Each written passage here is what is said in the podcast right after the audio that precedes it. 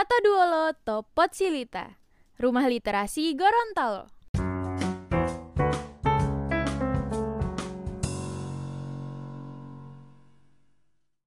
Selamat datang to Pot Silita Podcast semua Silita Bersama saya Zen tentunya. Halo teman-teman sekalian. Selamat bermalam minggu. So, kali ini kita bermalam minggunya dengan malam minggu yang tentunya sangat berfaedah ya Karena saat ini saya sudah bersama dengan salah satu expert Anak muda yang sangat menginspirasi tentunya Karena sesuai tema kita malam hari ini yakni muda menginspirasi Nah, sekedar informasi nih teman-teman sekalian. Jadi expert yang kita hadirkan pada hari ini beliau adalah anak muda yang saat ini mengenyam pendidikan di salah satu universitas ternama di negeri Paman Sam. Oke, saya kasih clue dari negeri Paman Sam itu USA atau Amerika Serikat. So, jadi selamat malam Mr. Abdul ya. Okay. Malam, gak mister juga, saya okay. juga bukan expert nih. Oh iya banget. Jadi saya manggilnya apa nih? Kak ya? Panggil biar Abdul lebih aja kalau lebih nyamannya. Oke, okay, Abdul. Oke, okay, selamat malam Abdul. Selamat malam Kak Zain. Oke, okay, apa kabar?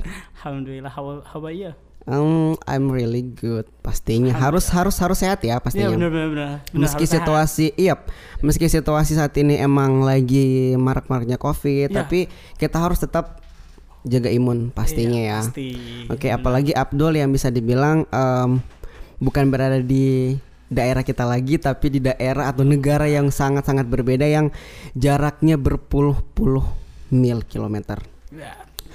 So, mungkin uh, saya akan apa ya? Kayaknya akan mengenal lebih ke spesifik. Abdul itu uh, anak muda ah, yang uh, saat ini mengenyam pendidikan di Universitas Amerika ya? Iya, salah satu okay. universitas. Salah satu universitas di Amerika. Yep. Abdul ke sana itu waktu usia berapa dan kira-kira waktu kelas berapa? Atau memang uh, udah pada saat uh, masuk kuliah atau gimana gitu? Mungkin bisa diceritakan sedikit. Oke, okay, baik. Uh, jadi sebelumnya I honestly come to United States. Aku datang di United States itu bukan sebagai mahasiswa di universitas, melainkan saya datang di US kemarin itu di tahun 2019 sebagai siswa di salah satu SMA di Amerika Serikat. Adapun okay. um, saya ke sana dikarenakan beasiswa pertukaran pelajar. Nama beasiswanya itu Yes, Youth Exchange Student adalah wow. beasiswa pertukaran pelajar fully founded dari United uh, State of America. Fully yeah. funded? Iya, yeah, fully founded. It seriously? Was yes, seriously.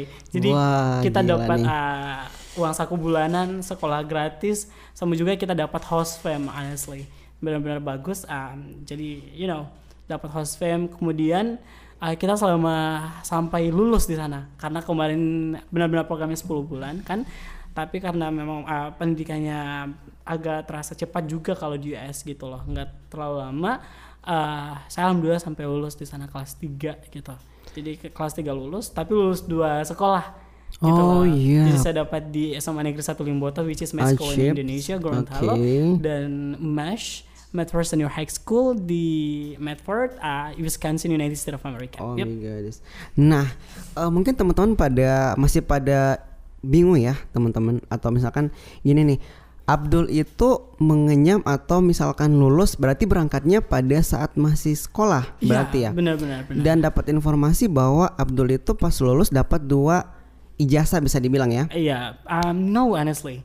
Jadi okay. gini, kemarin Abdul uh, berangkat ke US itu kan kelas 3 kan, tapi daftar untuk beasiswa itu dari kelas 1 SMA. Wow, jadi di mana, eh, terkabulnya saya, pada saat kelas 3, kelas 3 gitu. gitu. Karena oh memang seleksinya itu benar-benar panjang dari oh, chapter iya kemudian hmm. nasional, kemudian berkas internasional, kemudian internasional. Itu benar-benar luar biasa berat gitu loh. Hmm. Challenging juga sih menurut saya. Benar-benar uh, tantangan yang eh yang benar-benar luar biasa. Karena kemarin itu jujur saja di kelas 1 SMA I couldn't speak English very well. Oh my god. I was really stupid in English. Not hmm. stupid mm. though, but I couldn't, you know.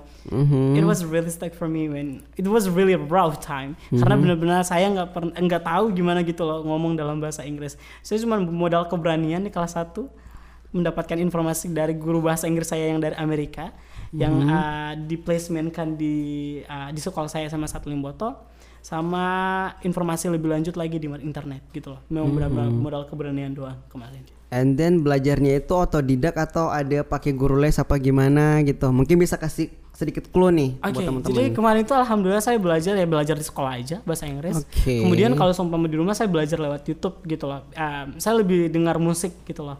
Karena Mhm. I, I I'm someone like benar-benar bakal masuk pelajarannya kalau seumpama mendengar gitu loh. Jadi saya Mhm. lebih prefer ke musik, kemudian nonton film Mhm. without subtitle and Oh, trying yep. to understand what exactly the movie is. Tapi kalau benar-benar pertama saya pakai subtitle dulu Oke. karena I don't really know that gitu Mhm. kalau seumpama udah baru ada uh, pelajaran yang bagus uh, maksudnya gini uh, kalau seumpama udah ada meningkat lah bahasa Inggrisnya baru saya nggak pakai subtitle gitu loh kalau benar-benar filmnya udah udah general udah tahu gitu kan dan selanjutnya saya bisa bilang bahwa itu adalah salah satu um, uh, teknik autodidak Oh, yang iya. saya pakai gitu loh saya nggak les dan lain sebagainya because you know we just spend money kalau Mhm, seumpama iya. bisa gratis kenapa enggak gitu Oh bener banget.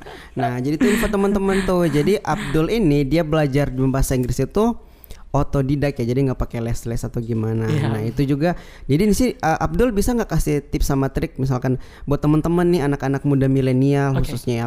Mhm. Untuk mengejam atau misalkan nanti prepare untuk nanti misalkan mau kuliah ataupun misalkan nanti entah mau ngapain mau kerja misalkan. Nah tips and trick untuk mendapatkan atau misalkan belajar bahasa Inggris praktis itu apa dulu nih itu dulu nih kita bahasannya gitu. Oke, jadi pertama tuh harus uh, yang kalau seumpama tips and trick ya. Oh, iya. Yang paling pertama kita harus persiapin adalah mindset kita untuk belajar gitu loh. Oh iya. Di mana kita exactly. menganggap bahasa Inggris itu benar-benar penting dan harus dipaksakan di otak kita. Ini harus dikuasai.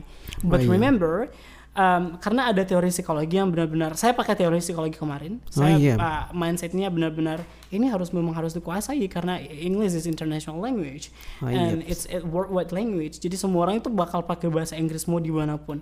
Whether you are in Indonesia or maybe you are in Africa, karena bakal, uh, belajar, maksudnya pakai bahasa Inggris gitu loh. Mhm. Itu pertama adalah mindset harus diubah dulu. Saya belajar bahasa Inggris memang keperluan dan keharusan Oh, untuk iya. saya bisa jadi sukses.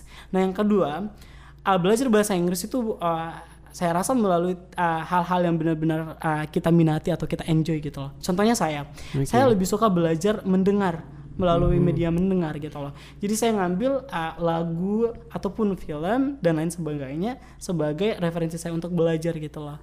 Because I'm not someone like really love reading. Um, jadi saya lebih ke uh, ke mendengar gitu loh. Jadi saya selama saya belajar bahasa Inggris saya enjoy gitu loh. Mhm. Walaupun saya benar-benar berharap bahwa saya harus ngerti gini gitu loh Oke. buat bahasa Inggrisnya. Terus yang ketiga itu adalah konsistensi menurut saya. konsistensi Consistent ya. is one of the really, Yep. you know, it's good. It couldn't be be far away from our um, top uh, top list of learning study. English gitu Yep, kan. banget, Jadi oke. harus benar-benar uh, konsisten kalau semua mau belajar. Itu aja sih tiga itu aja. Wow, banget banget banget ya. Sangat sangat banyak nih. And then kalau misalkan di saat ini Abdul eh, berarti kurang lebih mau dua tahun ya Uh, eh, di iya. Amerika. Ya, udah udah mau udah tahu. Pengalaman Abdul waktu pertama kali diumumkan atau misalkan dapat informasi bahwa Abdul salah satu Hah? siswa yang dapat beasiswa untuk pertukaran pelajar. Nah, itu Oke. gimana? Jadi gini, uh, sama cerita lucunya. Oke. Saya waktu itu diumumin lolos berkas internasional itu di waktu jam 2 malam. Wow. Jam 2 malam, benar jam 2 malam. Jam 2 malam ini Di email Indonesia. dulu, kemudian ditelepon jam 2 malam. Oke. Nah kemudian saya diumumin gitu loh, saya di prank gitu loh, karena benar-benar It's panitia a yang dari, iya it's like okay. a prank, karena benar-benar announcement itu dari dari pihak internasional, tapi diterusin nih uh, di uh, cap, di nasional dulu, kemudian di chapter, karena kita kan di bawah naungan chapter. Nah kemarin itu chapter saya chapter Makassar kan, karena benar-benar saking, iya saking Oke. dekatnya sama sama panitia di Makassar, dekat di sini karena dekat uh, friendly gitu loh. Mhm. dan mereka kinda ya, kinda prank gitu. Bilang gini eh, tepat jam 2 Abdul kami mohon maaf. Abdul nggak bisa lulus. Oh my kalau gosh. kalau gitu Abdul ngambil tisu dulu gitu kan. Diawali dengan kayak dramatis banget gitu loh. Ambil tisu dulu ambil ambil kain lap dulu buat buat uh, Bengelap ya buat ngelap nangis ah, gitu maksudnya, ah, tangisan oke. gitu air mata. Saya udah siap-siap juga saya udah bilang eh, saya nggak bakal lolos memang benar-benar nggak bakal lolos because I, I, I wasn't really good in English karena benar-benar nggak bagus di bahasa Inggris dan I wasn't smart karena saya memang bukan orang yang pintar gitu loh. Kemudian eh, akhirnya saya diumumin dong pas udah nangis nih ya sorry Abdul we just have a prank for you. Dan kamu sebenarnya lolos gitu lah. Oh my God. senangnya luar biasa sih. Hal yang pertama saya saya saya pikirkan waktu itu um, blank sih benar-benar blank. Kaget kok bisa ya saya bisa lulus padahal saya nggak terlalu pintar nggak terlalu lancar bahasa Inggris? Tapi you know I just do like praying all the times gitu loh. Karena saya benar-benar berdoa gitu loh. Benar-benar berdoa ya Allah semoga lolos gini solawat banyak-banyak waktu seleksinya dan lain sebagainya sampai waiting nah setelah itu pengumumannya saya lolos ada uh, hadiah yang benar-benar apa ya benar-benar menandakan bahwa saya lolos gitu loh adalah gempa bumi waktu itu jam 4 jadi Gempa selama bumi. tiga selama uh, satu jam itu kita kan ngobrol Oke. untuk pengumumannya dan prank lain sebagainya nah di jam 4 itu ada ada gempa Oh, wow. ada gempa gitu lah. Jadi pas uh, itu gempa bumi, and I don't know kalau seumpama itu adalah salah satu tanda atau apa Mhm. gitu lah karena orang Gorontalo itu kan percaya sama tanda-tanda seperti itu. it, it could be better good, but I think it's a good one karena um, bahkan uh, bumi pun senang buat saya gitu loh sambil bergoyang kan. Jadi Okay. ya I do really happy with that one honestly. I just you like a prank? Ya, I don't really like prank. Kayak benar-benar saya nggak Okay. suka prank, tapi kalau seumpama, ya, you know, sometimes prank uh, really make you funny, but you know, jangan sampai kayak gitu juga, sampai jangan sampai kayak nangis Okay. gitu kan. Yep, ya, you know, kind of things like that. Mhm. Yep. So pada saat eh, artinya udah selesai nih prank-prankan dan lain-lain. Mhm. Terus setelah itu itu selang berapa lama setelah dari dapat informasinya toh? Ah, itu oke. Abdul berangkat atau gimana pengurusannya atau gimana gimana lagi? Nah itu coba kasih tahu dong buat teman-teman. Oke, jadi saya dapat informasi saya lolos itu di bulan um, Oktober, around October 2018. Oke. Hmm. Jadi terus saya persiapan Desember, Januari, Februari, Maret, April, Mei, Juni, Juli. Kemudian Agustus berangkat. Berangkat ini USA. ke US Oh, karena itu uh, kemarin kita sempat check up kalau seumpama ada jadi gini jadi pas sudah lulus lagi nih harus check up lagi gitu loh. Oke. karena check benar-benar harus bers- uh, harus harus apa namanya harus benar-benar sehat gitu loh. Oh iya. check up uh, kemudian kita divaksin lagi karena ada beberapa vaksin yang saya nggak dapat waktu saya kecil. Jadi penting juga buku imunisasi waktu kecil. Oh, saya iya. saya hilang gitu loh saya hilang. Jadi Oke. saya gimana pun harus konsul ke dokter anak buat uh, vaksinasi saya. Saya kemarin itu uh, vaksinasi vaksinasi hepatitis A MMR Mhm. sama apa ya hepatitis B juga gitu loh dan periksa apa namanya kalau saya punya TB atau enggak uh, TB Oh, iya. tuberculosis gitu TBC eh, TBC gitu Oh, TBC iya. jadi gitu. mm, kalau ada Oke. TBC atau enggak gitu loh dan alhamdulillah uh, kemarin-kemarin saya sehat alhamdulillah dan persiapan kita dari Juni sih Juni kita udah di prepare orientasi nasional sebenarnya sebelumnya orientasi chapter dari Makassar Oh, dulu iya. saya orientasi kemudian ke orientasi nasional dan Agus berangkat alhamdulillah ke US dan saya dapat uh, tempat di US Wisconsin Mhm. What do you feel for the first time in US? Oke, jadi gini. Waktu saya ke US itu kan landing di Washington kan. Oke. Waktu itu ah, naik ah, pesawat. It was like in the game. Karena saya kan Mhm. ah, sering main game juga, PUBG dan lain sebagainya. Wah. Kalau seumpama kita lihat bersama di Washington itu pas landing, aura auranya dan environment itu kayak di game loh. Kayak game Oh. perang-perang PUBG kayak gitu. Free Bener. Fire kayak benar-benar oh my gosh, this is so cool. I really love that. Pertama saya benar-benar cinta banget gitu loh. This is cool and my dream come true. Mhm. Happy so excited honestly. So excited. Excited. Uh, jadi yang teman-teman yang suka main game PUBG, jadi mungkin itu gambaran kalau misalkan di It US itu kayak gitu ya. Mungkin Kayak bener-bener. Ah iya. Ah, mungkin it seperti like itu ya. like around that gitu. And then udah selang beberapa lama di sana itu gimana experience-nya untuk eh, Oke. suasana mungkin atau Oke. gimana mengenai Oke. mungkin keakrabannya atau ya Sure. namanya kita menyesuaikan sama lingkungan baru. Benar, Nah, benar, itu benar. gimana? Benar harus diketahui juga nih. Waktu saya di Wisconsin nih uh, udah sampai ke keluarga, saya mendapatkan host family yang Kristen. Oh saya dapat keluarga angkat yang Kristen and they have three dogs. Mereka punya tiga anjing, satu anjing di luar dan dua anjing di dalam rumah. And as you guys, I'm Muslim. Gitu, kayak gimana beradaptasi. Tapi saya udah pernah nanya, uh, gitu lah. uh, saya uh, udah ngobrol sama pihak host fam saya.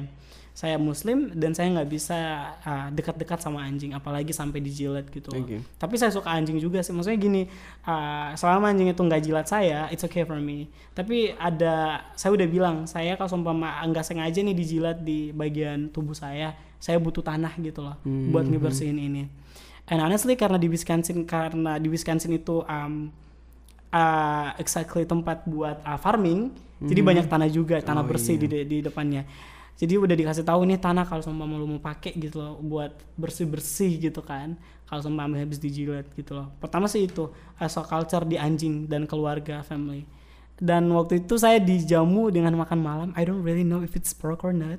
Karena Oh, dijamu iya? pakai sup. Saya nggak tahu kalau itu sup apa. Heeh. And? It's it's kalau ada mengandung babi Oke. from whatever it is terus saya udah tanya saya nggak bisa makan aja. lagi karena saya muslim Aha. karena benar mereka udah tahu saya Oh, muslim iya. kan jadi emang disiapin ini chicken doang dul jadi lo nggak perlu takut kalau buat Oke. makan uh, sup dan lain sebagainya ini benar-benar bersih gitu loh katanya nggak ada babi dan lain sebagainya jadi saya makan nah kemudian uh, di sekolah nih di sekolah Oke. The first time. Iya, ya? saya sampai uh, uh, sorry, saya sampai kapan ya?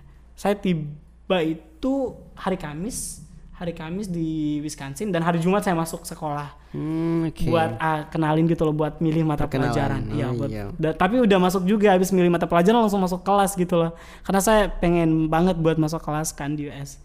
Dan honestly people um, really welcome to me. Kayak Oh, di TV-TV gitu. Pertama-pertama cuek pasti kan Oh iya. they don't know about you, they don't Mhm. curious about you gitu loh. Karena mereka nggak peduli siapa lu gitu loh kan. Hmm. Tapi um, ketika saya uh, kenalin diri saya ke mereka, introduce myself to them and bring something unique Mhm. about myself to them, itu membuat mereka curious about me. Oke. Dan setelah kelas mereka malah nanya ke saya, "Oh, lu Mhm. dari Indonesia? Indonesia itu di mana?" Karena most Oh of them my doesn't know about guys. Indonesia. Mhm. But tapi mention Bali gitu loh. Mereka kenal Oh, Bali iya. tapi nggak nggak tahu Indonesia di mana. Dan sejak saat itu saya udah mulai ngobrol sama mereka dan saya bilang bahwa bahwasanya di Indonesia itu bukan cuma Bali loh gitu loh. Mhm. Salah satunya adalah Gorontalo and Gorontalo is really good. I think gitu kan. Mhm. Jadi kayak mereka udah udah udah curious dan mereka nanya-nanya ke saya kayak gitu. Dan alhamdulillah komunikasi saya bagus eh, baik dengan mereka gitu loh. Hmm, Selama saya wow. di US di tiga bulan pertama kan most of them itu kayak bakal ada culture shock. Saya nggak terlalu banyak banyak culture shock dan ya eh, komunikasi juga baik baik, baik eh, dengan mereka gitu. Itu aja. Yep. Oke, tiga bulan pertama ya. Tiga bulan pertama. Terus pada saat eh ke sana itu berarti fully funded langsung dapat fully funded atau gimana? Mm, iya langsung fully ini? funded, langsung fully funded. Wow. Sampai di sana langsung dikasih duit buat per- buat jajannya. Berarti Kita dapat selama 125 dolar kalau per bulan. Oke, per bulan ya? Iya itu Per bulan. cukup sih menurut saya.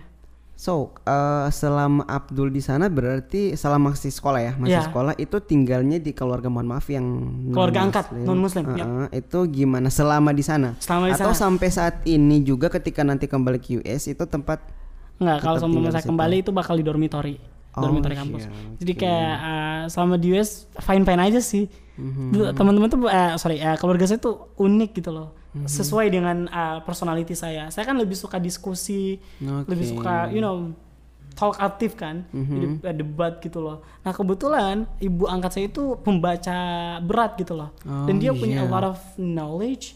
Jadi di samping itu saya belajar dari beliau, saya juga bantu-bantu beliau gitu loh. Kayak Hmm. benar-benar bagus, sama kayak host fam uh, di bagian ayah. Ayah juga bagus di sana. Date-nya kayak benar-benar enjoy dengan dengan dengan saya. Dan kemudian uh, kita sering bertukar bertukar pikiran gitu loh. Jadi Hmm. emang bagus lah alhamdulillah di sananya. Wow, wow, Ya. wow.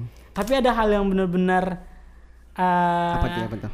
yang pernah saya nggak tahu ini buat mereka sakit atau atau enggak tapi ini menurut saya unik gitu loh berbeda dari cerita lain saya waktu itu puasa puasa di US Oke. benar dan ternyata waktu itu kan ah, kan saya terbiasa di Indo kan sahur jam 3 atau enggak jam 4 atau enggak jam 2 saya bangun ah, di US itu jam 2 ternyata imsaknya adalah jam 8 pagi. Oh my dan god. saya dan saya udah bangun dan saya udah bangun jam 2 saya udah masakan udah masak buat uh, sahur saya pakai onion rings terus saya masak chicken.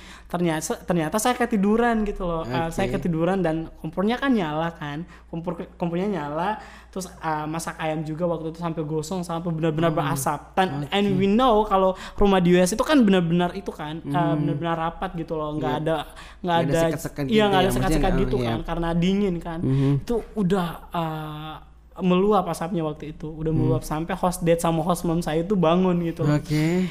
What are you doing Abdul? We just woke up because of you. Saya benar-benar takut gitu loh, benar-benar takut.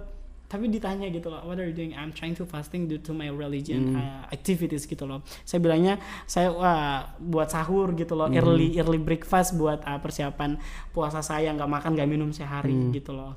Uh, terus uh, waktu itu saya ketiduran habis saya buat kesalahan ini. Saya langsung tidur karena you know kebiasaan mungkin ya. Nah, iya. Saya kalau habis sahur itu langsung tidur Bisa- baru molor pakai alarm buat sholat subuh kan, buat sholat subuh. Nah kemudian uh, besoknya tuh keluarga saya nggak marah juga sih, tapi sedikit rada kecewa gitu loh. Oke. Kenapa kamu kamu uh, langsung tidur kalau kamu udah buat kesalahan gitu. Hmm. Terus saya diingatin sih. Jadi jadi saya dapat uh, uh, value nilai nilai moral dari sini diingatin kalau kamu udah buat kesalahan at least at least um, kamu uh, jaga mereka gitu loh, jaga perasaan mereka, jangan buat lain hal sebagainya yang membuat mereka Oke. sakit hati. Dan terus uh, kata ayah angkat aku gini, uh, kalau seumpama kamu buat kesalahan pertama kali, it's okay. Second time, it's okay. Three times, it's stupid. No. Oh my. Itu adalah kebodohan katanya. Jadi saya nggak pernah ulangin lagi gitu loh. And you know what? I just realized that keesokan harinya ternyata subuh di HP saya nanti jam 7 Oh my god. gitu jadi kayak udah wow ini saya terlalu rajin buat buat Terus sahur nahannya berarti sana. berapa lama kurang lebih di sana? iya jadi saya nahan makan bahkan bahkan terbenam matahari itu nanti jam 8 jam 8 jadi saya buka nanti jam jam 8 sekian lah jam 8 malam itu pun masih ada matahari gitu loh tapi terbenam gitu Yep, Oke. like that. So, eh, Abdul gimana Abdul ngejalanin kehidupan hari-hari selama di sana? Which is kalau tadi misalkan kita bicaranya bagaimana kehidupan di sekolah, Oke. terus misalkan yang kedua kehidupan di Hah? lebih ke family-nya di Hah? sana. Nah, ini lebih ke kehidupan yang artinya sosialisasinya lebih ke umum gitu. Itu gimana? Uh, Alhamdulillah saya kalau seumpama di sosial umum saya lebih saya juga datang ke gereja bersama host family. The reason I come to church because I want to know more people. Saya saya datang ke church bukan sebagai saya um, uh, meletakkan keimanan saya ke Christianity, melainkan saya ingin mencari jaringan di di di Oh, iya. di uh, di church tersebut. Karena church itu adalah tempat-tempat salah satunya yang bagus buat kita mengenal orang.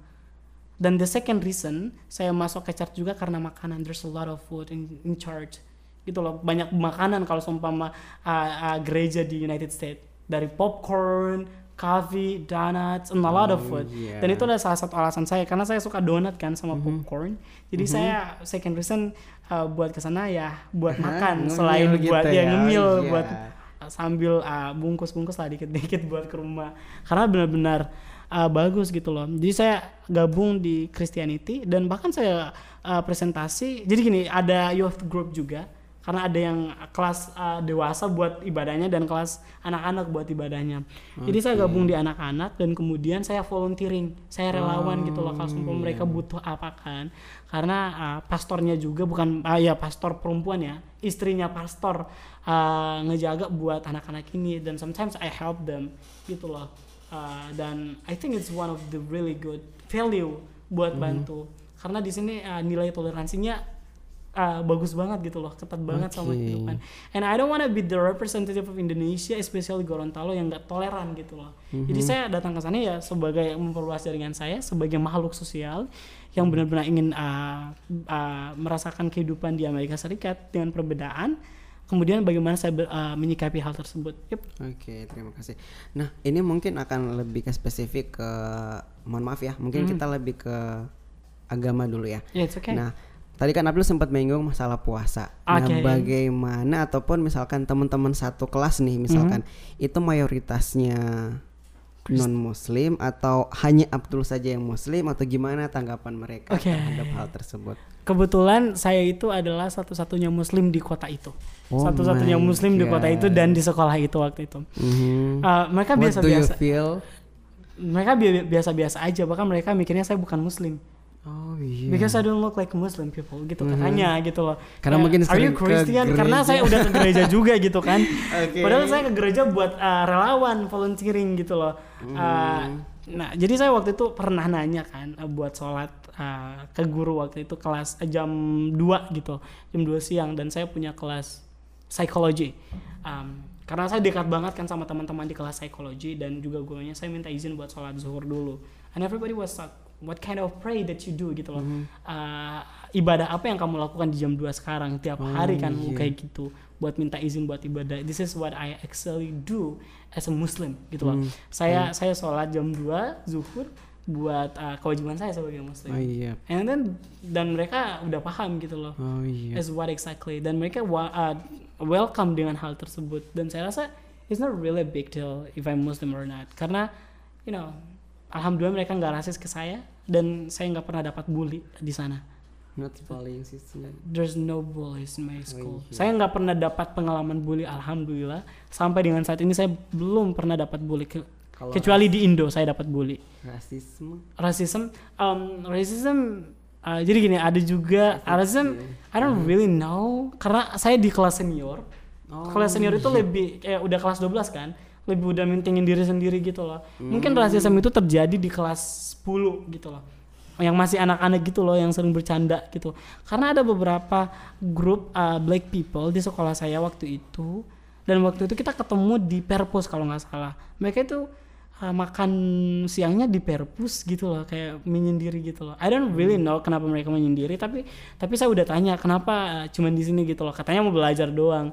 Dan saya tipikal orang yang yang bawaannya culture sama Amerika kan gak usah nanya sampai personality banget gitu loh sampai dalam-dalam lu lu uh, lah, kayak nanya-nanya benar-benar kenapa diam-diam di sini ya I don't know kalau seumpama itu racism or not tapi it's kinda Oh, But iya. I, I cannot say it's certainly racism.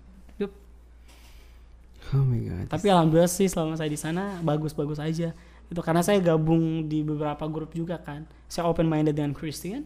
Ya they love me. Hmm, oke. Dan most people dan bahkan waktu itu saya sebelum pulang ke Indo udah lulus banyak orang yang nangis gitu loh. I don't know. Bahkan kepala sekolahnya dekat sama saya gitu kan. Wah, Jadi it depends on you how you communicate uh, communicate uh, buat uh, ke orang-orang di US itu ya menentukan sikap mereka juga ke kamu gitu loh. Kalau kamunya sombong terus kamu nggak mau reach out sama teman-teman di sana ya you're gonna be alone gitu loh. Oh iya. Karena mereka nggak nggak care sama lu gitu loh. Karena yang pertama-pertama itu kita dulu buat nge-reach out mereka, Oke. membuat mereka penasaran sehingga mereka mau dekat sama kita. Yup. Yep. Gitu. Nah, jadi tuh teman-teman, jadi kalau ini salah satu tips juga yang sangat penting nih ketika misalkan kita nanti ini bukan masalah daerah lagi ya, tapi Iya, sudah benar. satu negara yang artinya mayoritasnya memang berbeda dari Hmm, kita. bener, bener banget. Yang artinya memang kita nggak tahu seluk beluknya seperti apa, so Hmm. kalian harus research mereka dulu terlebih dahulu Iya, pastinya. harus reach out dulu terus. Itu sangat-sangat penting ya, Sangat karena penting.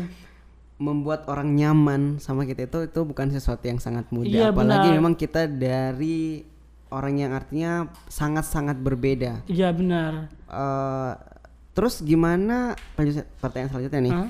gimana tanggapan eh, Abdul nih masalah pertama kali pertama kali misalkan mereka melihat Abdul so tadi kan bilangnya cuek nih misalkan Ah, kan mereka ya. so cuek kan gimana sosialisasi pertama Abdul dengan mereka selain misalkan mereka lihat dari misalkan Abdul orang Indo terus yang, yang kedua mungkin Abdul yang artinya nggak ada bule-bulenya sama Ah, iya, sekali and benar-benar. then, Tapi saya ah, bule di sana iya. loh. oh iya Yeah, because I have a really good skin. Karena mereka mention saya punya good skin.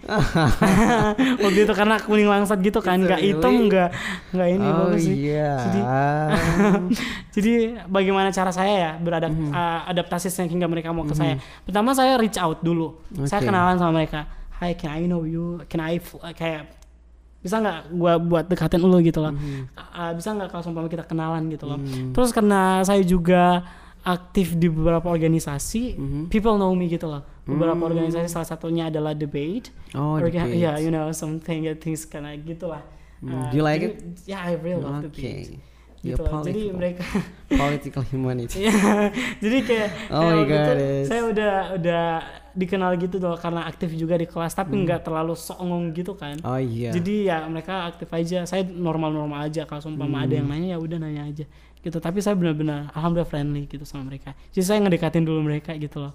Wow Sampai saya bisa bacakan kalau seumpama mereka memang benar-benar suka sama saya atau enggak. Mhm. Kalau belajar psikologinya Iya, juga karena ya saya belajar psikologi karena saya Oh bisa iya, itu lihat kalau ini sebenarnya. orang ini benar-benar suka saya atau enggak gitu loh. Kalau seumpama benar, mereka suka gitu sama saya, saya bakal jadi teman mereka. Kalau benar-benar mereka nggak suka, I take a back. oke Gitu, lah. saya mundur ke belakang. so kurang lebih selama 10 bulan yang mengenyam bangku sekolah Eh, iya, benar. di sana. Apa saja yang sudah Abdul lakukan selama 10 bulan untuk yang siswa ya? Oke, sebagai siswa ya Iya, di sekolah. banget. There's a lot of things I did. Salah satunya adalah di choir. Saya Choir. gabung di paduan suara. Saya Oh. konteks eh konteks juga sorry. Saya kontes no di, Oh, no. di US. Kontes Oh, di US gitu. So, eh, siswa di US kemudian saya gabung di Specific in the singing or the oh, Enggak, itu paduan suara doang. Oh, Jadi saya waktu iya. itu di tenor. Saya waktu itu di Oh. tenor dan kita uh, udah ngelakuin event di malam Natal, homecoming sama prom. Jadi bagus Prom aja. night? Prom, Kau- tahu prom nggak? Kayak hari di mana kita menyelenggarakan uh, udah selesai graduasi gitu gitu. loh. Jadi kayak benar-benar bagus gitu. Terus selama 10 bulan juga saya kinda ambitious Hmm. ambitious. Jadi saya ikut beberapa banyak kegiatan. Contohnya adalah konferensi internasional di beberapa negara bagian. Contohnya di New York, Las Vegas, and even I go, I went to the Spain karena buat ngeatan di salah satu uh, konferensi yang di mana saya harus menjadi pembicara di konferensi tersebut. Yep. So, bisa dibilang Abdul sudah melanglang buana ke salah satu negara yang artinya Abdul nggak bakalan nyangka kan sebelumnya. Iya benar, benar. Seorang anak muda bisa dibilang anak masih kecil ya, masih umur 16 tahun kurang lebih ya Iya, itu 16 tahun berangkat. waktu itu. Gimana pergaulan? So, kita bicaranya iya, exactly. You know, you know. You know that. Okay, I, you, you mean like kill all Aha. things? Honestly di United Iya. States itu kayak bener-bener uh, depends on you sih. Kalau saya enjoy enjoy aja. Saya kan masih remaja juga kan. And then what Jadi do you sana- feel enggak. for the Enggak, saya normal aja kan. Kayak Uh-huh. mereka ada hubungan dengan satu sama lain. I even like haven't kayak benar-benar kalau seumpama mereka mau apa ya hubungan kayak normal aja kayak di Indo gitu loh pacaran gitu loh. What about you? Uh, me, um, honestly I don't have any someone don't that I have someone, love. okay. Tapi benar-benar cantik-cantik orang di sana gitu loh, benar-benar cantik, uh, benar-benar bersih kan. Tapi uh, saya biasa aja gitu. Maksudnya gini, saya Gini gimana? saya Gini gimana? jaga, Oke. saya jaga diri saya gitu loh, karena saya Uh-huh. sebagai representatif dari Indonesia, dari Gorontalo yang di mana punya nilai gitu loh, Uh-huh. punya nilai. Jadi saya teman sama mereka, teman-teman biasa aja, having party, Mhm. tapi not sex ya Oh ya. no sex tapi my friend does Uh-huh. teman-teman saya ngelakuin saya be aja ya itu urusan lu bukan gua gitu kan Ah, jadi iya. kalau seumpama lu mau apa ya silahkan kayak sama kayak di Indo aja gitu loh tapi yang membuat saya kaget itu you know relationship itu kalau di US Aha. itu bener-bener kayak lu tuh kalau udah jadi pacar gua berarti semua itu udah punya gua gitu loh. Ngerti gak sih? Oh, your body yeah, your mind is I mine gitu loh. Know. jadi kayak ya udah nggak usah. Saya nggak terlalu gitu. Tapi yang Oh. membuat saya aneh itu kemarin uh, ya ada juga yang relationship yang mungkin beda beda beda beda sangat beda dengan agama kita you know LGBTQ things. Benar Oh, ya. LGBT. iya there's a lot of LGBT there. Oh. di sekolah saya banyak juga. Bahkan saya di Really? flirting Hah? di flirting waktu itu iya benar saya benar waktu itu di flirting sama anak basket but I don't like I'm not I'm I'm I'm, so- I'm sorry but you know I'm straight so yeah kind of things like that Mhm. there's a lot tapi saya ah, jaga ini adalah Oke. saya adalah Abdul gitu loh representasi dari Indonesia khususnya dari Gorontalo Harus Dan- bawa nama baik ya Iya, pastinya. saya punya nilai gitu loh. I don't wanna be that apa ya? Saya bukan orang tipikal yang benar-benar ingin mencoba hal seperti itu karena saya masih berpikir karir dan uh, pengetahuan saya. Tapi kalau seumpama party saya ikut. Oke. Contoh, you know, party Dan ada pool, spesifik tujuan ke sini juga untuk belajar ya, untuk Benar, saya belajar sambil memperluas jaringan Iya, saya. Iya Yep. bener banget. So kurang lebih selama 10 bulan nih. Hmm. eh tahun ini mungkin sudah sekitar mau dua tahunan ya. Dua tahunan Abdul di USA Yap, dan yap. saat ini juga mengenyam bangku kuliah, Kuliah, di benar. USA juga. Benar. So eh Abdul sebelum masuk kuliah itu fully funded juga atau gimana atau mereka yang menawarkan untuk beasiswa untuk kuliah nih mohon maaf atau gimana atau eh, mengurus lagi atau gimana prosesnya nah ini yang kita Oke, jadi waktu itu saya kan muda kelas pengen Vegas. tahu. Sorry, sorry, sorry. Ah, iya. Jadi waktu itu saya kelas Vegas, saya ikut ah, international conference kan di sana jadi pembicara perwakilan dari Yes program sama Yes, perwakilan program in the program saya Oh, iya, sama oke. Indonesia karena I'm the only one uh, participate there The only one from, from Indonesia. Indonesia. Ya, Oh karena ada my tiga God. orang yang dipilih waktu itu saya dari Indonesia. Karena there's a lot of country, Mhm. Indonesia, uh, terus South Korea, uh, Korea Selatan, Uh-huh. sama Amerika sendiri. Jadi Hmm. saya terpilih alhamdulillah di setelah seleksi lagi untuk pembicara konferensinya, saya terpilih jadi pembicara dari perwakilan Indonesia dan program saya. Kemudian saya uh, waktu itu kan sempat uh, bicara dan diskusi dan lain sebagainya. There is someone came to me gitu loh. Jadi ada Hmm. yang satu orang yang datang ke saya, kemudian dia nawarin, "Dul, ini kita punya beasiswa, lu mau ikutan nggak?" gitu Oke. saya saya bilangnya iya ya udah ikut aja gitu Mhm. kan I didn't learn saya nggak belajar I'm really bad at math saya Mhm. juga ah, goblok banget di matematika tapi saya saya saya saya saya ikut ujiannya gitu loh tanpa ada purpose eh tapi saya kaget dong ah, waktu nilai ujiannya lebih gitu loh saya kan ah, nilainya kan harus di atas 85 kan ujiannya Mhm. kalau seumpama di konferensi dalam angka saya dapat 91 ya udah Wow. lolos dan itu adalah kriteria fully founded Oh fully iya. founded jadi dormitory makan dan lain sebagainya udah ditanggung ya udah selama Fully gratis why not. Oke. selama gratis why not tapi saya juga daftar beberapa universitas di luar sih karena salah satunya ada Perancis karena benar saya suka ke Perancis dan di Turki juga sempat tapi udah ditolak semua karena udah nanda tangan kontrak buat dengan Medieval Medicine University which is my campus right now Oke, berarti itu salah satu rezeki kamu, rezeki Abdul ya Eh, untuk ya dan harus disyukuri stay di Alhamdulillah, US. Benar. So, bagaimana keluarga, tanggapan keluarga mengenai hal tersebut?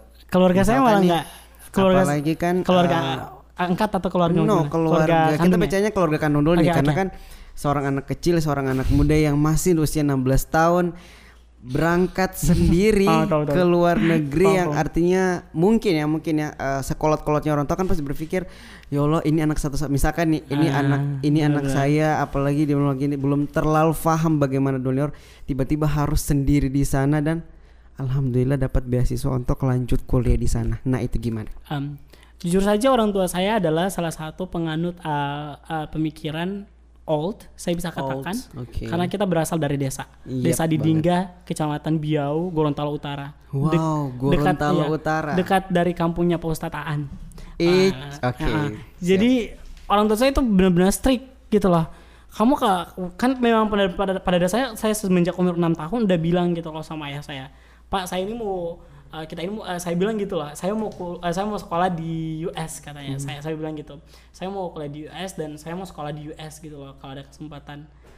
Uh, Dia mau wali yo utih misi gini itu boti kayak gitu gitu dalam masa Gorontalo. Oke. Kayak bilang kita ini uh, kita miskin ini kita, miskin dan kita nggak punya apa-apa Aha. karena ayah saya hanya seorang petani dan kepala desa doang gitu kan anak kepala desa kok bisa ke US gitu kan I told him like that saya berusaha waktu itu eh sampai di, tiba saya di SMA saya berusaha buat dapat beasiswa dan lain sebagainya.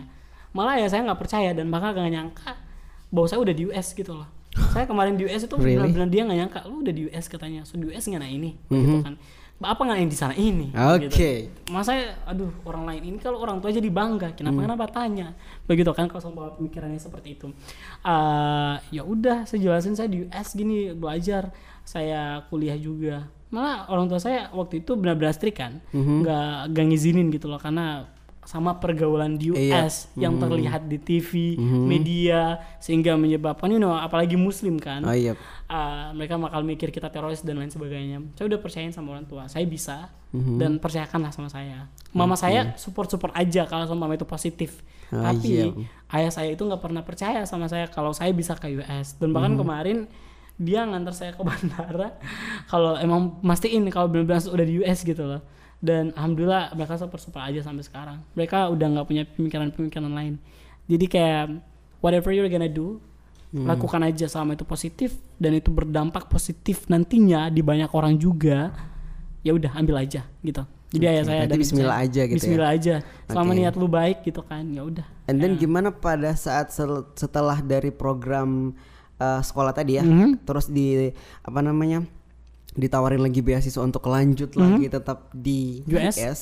orang tua tetap ngedukung-dukung aja. ngedukung aja tapi dibilang pulang dulu kita, Oh, kita iya. rindu gitu loh karena Oke. uh, saya bakal you know will be a long time in US kan saya nggak tahu gimana kehidupannya saya kehidupannya Iya. di US gimana mau jadi apa gitu kan ya udah saya pulang di bulan Agustus kemarin tahun 2000 berapa ya 2000 sekarang 2021 2020 2020 pulang kemarin. Wow. ya gitu sambil ngurus visa lagi perpanjangan visa Yep. So you're motivated in US. Oh, my motivation. Motivasi saya sebenarnya satu. Saya pengen jadi kaya. Wow. Kenapa? Kenapa? I just really wanna be a rich man. Um, jadi gini, saya mikir kalau saya seumpama jadi kaya, saya harus punya pendidikan dan punya banyak jaringan gitu loh. Kayak di sini bukan hanya finansial, Oh iya. tapi kayak ama ilmu pengetahuan juga. Saya milih US karena jaringannya bagus, Mhm. sama kiblat ah, demokrasi itu udah di sana gitu loh. Karena saya memang interestednya di politik, sosial politik gitu kan. Jadi ini adalah satu eh, adalah kiblat yang dipakai di banyak negara, khususnya Indonesia lagi ah, sebagai bahan ah, ah, yang dipakai buat sekarang gitu loh demokrasi. Jadi saya ke sana karena ingin memperluas jaringan untuk merubah hidup saya Mhm. merubah Abdul yang dari desa menjadi Abdul yang bisa bermanfaat nanti dengan privilege pengetahuan Oke. sama privilege financial. Aha. Karena kalau seumpama nggak ada financial, you are nothing. Tapi kalau Hmm. seumpama you just have financial and you just have privilege in knowledge, you are nothing also. Jadi harus balance gitu loh. Hmm. Oh Jadi iya. saya rasa US sebagai tempat bisnis yang bagus dan untuk belajar politik di sana, gitu. Yep, that's my motivation honestly. Berarti rencananya selama di sana fokusnya bakal nanti ke pendidikan or Um, selama saya melakukan pendidikan, saya mau juga nyari jaringan. Saya nggak Oke. bakal belajar-belajar kayak belajar itu di mana aja menurut saya, Mhm. di konferensi, di kelas, di luar dan lain sebagainya itu belajar itu menurut saya. Uh, jadi uh, di sana saya, ba- uh, of course saya bakal aktif di bagian sosial, Mhm. buat nambah jaringan lagi, dan aktif di bagian pendidikan sebagai bahan pengetahuan saya dalam uh, politik itu sendiri. Yep, seperti itu. Oke. Tadi sempat saya baca sedikit CV dari Abdul ya. Mhm. Nah, di situ ada beberapa prestasi yang pernah Abdul Oke. dapatkan. And then saya mau bertanya nih, eh, kurang lebih mau setahun ya untuk kuliah nih untuk kuliah. Apa saja yang sudah Abdul lakukan? Spesifiknya ke prestasi yang sudah Abdul dapatkan atau mungkin reward atau eh, apa ya yang artinya bisa mengangkat Indonesia gitu. Oke, jadi alhamdulillah Abdul sekarang ah I'm not to be arrogant or not to be brave. Sedikit. Enggak, tapi saya cuma mau ah, bilang aja alhamdulillah saya dapat penghargaan sebagai mahasiswa terbaik dan mahasiswa menginspirasi saya dunia. Wow, ah, di into words. ya NIC dari di malam penghargaan NIC. Kebetulan NIC adalah konsultan pendidikan dari Hmm. Indonesia dan mereka memberikan penghargaan itu kepada saya. Terus juga ya it's kind of things like that. Terus saya juga diangkat sebagai ambasador oleh orga- Ambasador. ambasador organisasi ternama di Amerika Serikat namanya 4H 4H. dan sebagai Oke. perwakilan 4H Amerika di Indonesia gitu aja. Ih gila, No, sumpah. I'm nothing, I'm nothing. I'm so insecure. Saya nggak- Oh my god. Nggak, itu biasa aja masih banyak orang yang lebih luar biasa dari saya. So, cita-cita selanjutnya nih, nanti ini kita bicaranya ke depan ya. Oke. Eh, kurang lebih eh, sekarang satu tahun belakangan udah mengenyam pendidikan yang sementara, sementara Hmm. jalan. Ketika nanti mau selesai, Oke. prepare-nya untuk mau ke mana? Um, Back to Indonesia? Of or- course, I'll be back to Gorontalo. Saya bakal balik ke Gorontalo. Oh iya. Saya saya lahir di Why? Gorontalo dan saya harus mati di Gorontalo. Oh my dan saya harus God, mengabdi di. Gorontalo. The reason why I go to study abroad itu, eh, saya alasan saya buat study abroad itu karena buat pengetahuan Oke. untuk merubah semuanya gitu lah. Dan itu hal tersebut itu saya buat motivasi karena saya ingin merubah Gorontalo Hmm. gitu loh. Gorontalo itu butuh anak-anak muda seperti Kak Z- Az- Az- Zen, oke. dan, dan anak-anak muda yang Dan ini. Abdul tentunya dan, anak-anak muda no, lainnya. dan anak-anak muda seperti kita ini yang Oh, iya. siapa lagi kalau bukan masa kita masa Gorontalo mau diambil ahli sama orang lain enggak kan Oke. jadi berarti kita sepemahamannya. Iya, saya mau belajar aja di sana sambil sambil kerja kan, sambil Hmm. sambil financing myself. Then I will come back to Indonesia after after kalau sumpah saya udah siap gitu loh buat ngapain berkarir di sini mungkin. Mungkin you know just do my foundation or whatever it could be karena berhubungan dengan politik kan. And Hmm. Iya. you understand what I'm saying gitu loh. Oke. So, eh saya mau kulik lagi nih lebih ke spesifik. Abdul kuliah ambil jurusan apa? Ah, ilmu politik, political Ilmu science. politik. Ada apa sama politik sampai harus ambil politik? Gini Nah, loh. ini kita lebih spesifik nih. Oke, ilmu politik itu adalah salah satu ilmu menurut saya adalah the only ilmu yang mempelajari tentang kesejahteraan masyarakat. Oke. Iya, memang gitu teorinya tuh benar-benar memahami masyarakat. Politik ada itu buat menyejahterakan masyarakat. buat menciptakan kesamaan di dalam masyarakat, nggak ada perbedaan di masyarakat. Dan saya ingin belajar hal tersebut, di mana politik itu bisa merubah orang-orang banyak. Dan kemudian yang membuat uh, saya tertarik lagi mengenai hal tersebut, saya ingin merubah, merubah, bukan merubah juga sih. Saya ingin uh, memberikan sedikit lah uh, perubahan uh, untuk ilmu politik tersebut. Uh, dalam teori dalam praktiknya dalam praktik politik dengan ilmu politik yang saya dapat nantinya gitu loh di whether it's in society or maybe in myself tapi Mhm. pertama ya pasti di diri saya dulu kemudian di society gitu loh di lingkungan sosial yep seperti itu So, apa yang Abdul lihat dari politik yang ada di US? Oke, politik di US itu sangat menurut saya bagus karena emang benar demokrasiknya bagus. I could say it's complicated, Mhm. tapi it's good also gitu loh. It's great, complicated but great gitu loh. Jadi emang benar-benar ada di mana politik US itu uh, sebagai uh, knowledge-nya ataupun sebagai kiblat demokrasi untuk negara-negara lain dan juga ada beberapa permasalahan gitu loh yang benar-benar ada juga di US gitu loh. Itu memang memang complicated gitu sih tapi great gitu at the same time. Kayak great dan complicated. Dan I can learn a lot of things from that gitu loh. Saya bisa belajar banyak dari hal tersebut.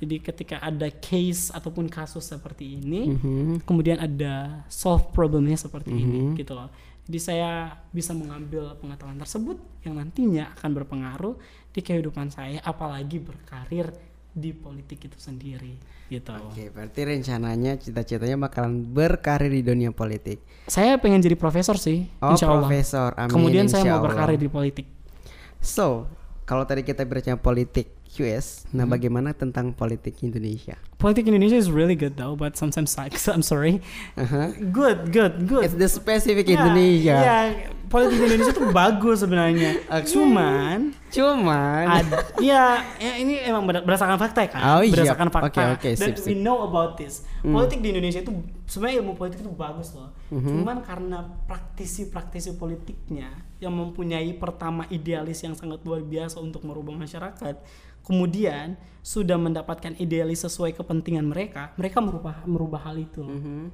I don't really know tapi itu adalah kenyataannya Oke. There's a lot of corruptor gitu kan di sini. Maksudnya gini, koruptor di sini bukan cuma di Indo, di US juga ada gitu loh. Oke. Di semua negara ada gitu dan itu adalah faktanya. And we couldn't kita nggak bisa jauh-jauh dari gitu loh karena every everyone itu punya mindset tersendiri buat politiknya. Tapi the real knowledge about politics is Mhm. about buat mensejahterakan rakyat. Gitu aja. Saya nggak mau banyak komen tentang politik Indonesia. Tapi politik Indonesia bagus gitu Oke. hukum di Indonesia juga bagus tapi saya nggak tahu gimana praktikalnya gitu dan as you can see kan saya nggak bisa Mhm. mention terlalu dalam gitu Oke. Nah, karena Abdul mungkin baru setahun ya. Hmm. Jadi saya bakalan tunggu eh, beberapa tahun ke depan terkait informasi politik in the US. Insya Allah amin Insya Allah, oke? Nah, Sip. Tapi rencana karirnya selain misalkan mau di katanya tadi kan pengen di dunia politik. aha. Misalkan nih, ketika nanti Abdul lulus, insya Allah, Mhm. ketika ditawari lagi untuk uh, Stay? iya, Stay buat US? Iya.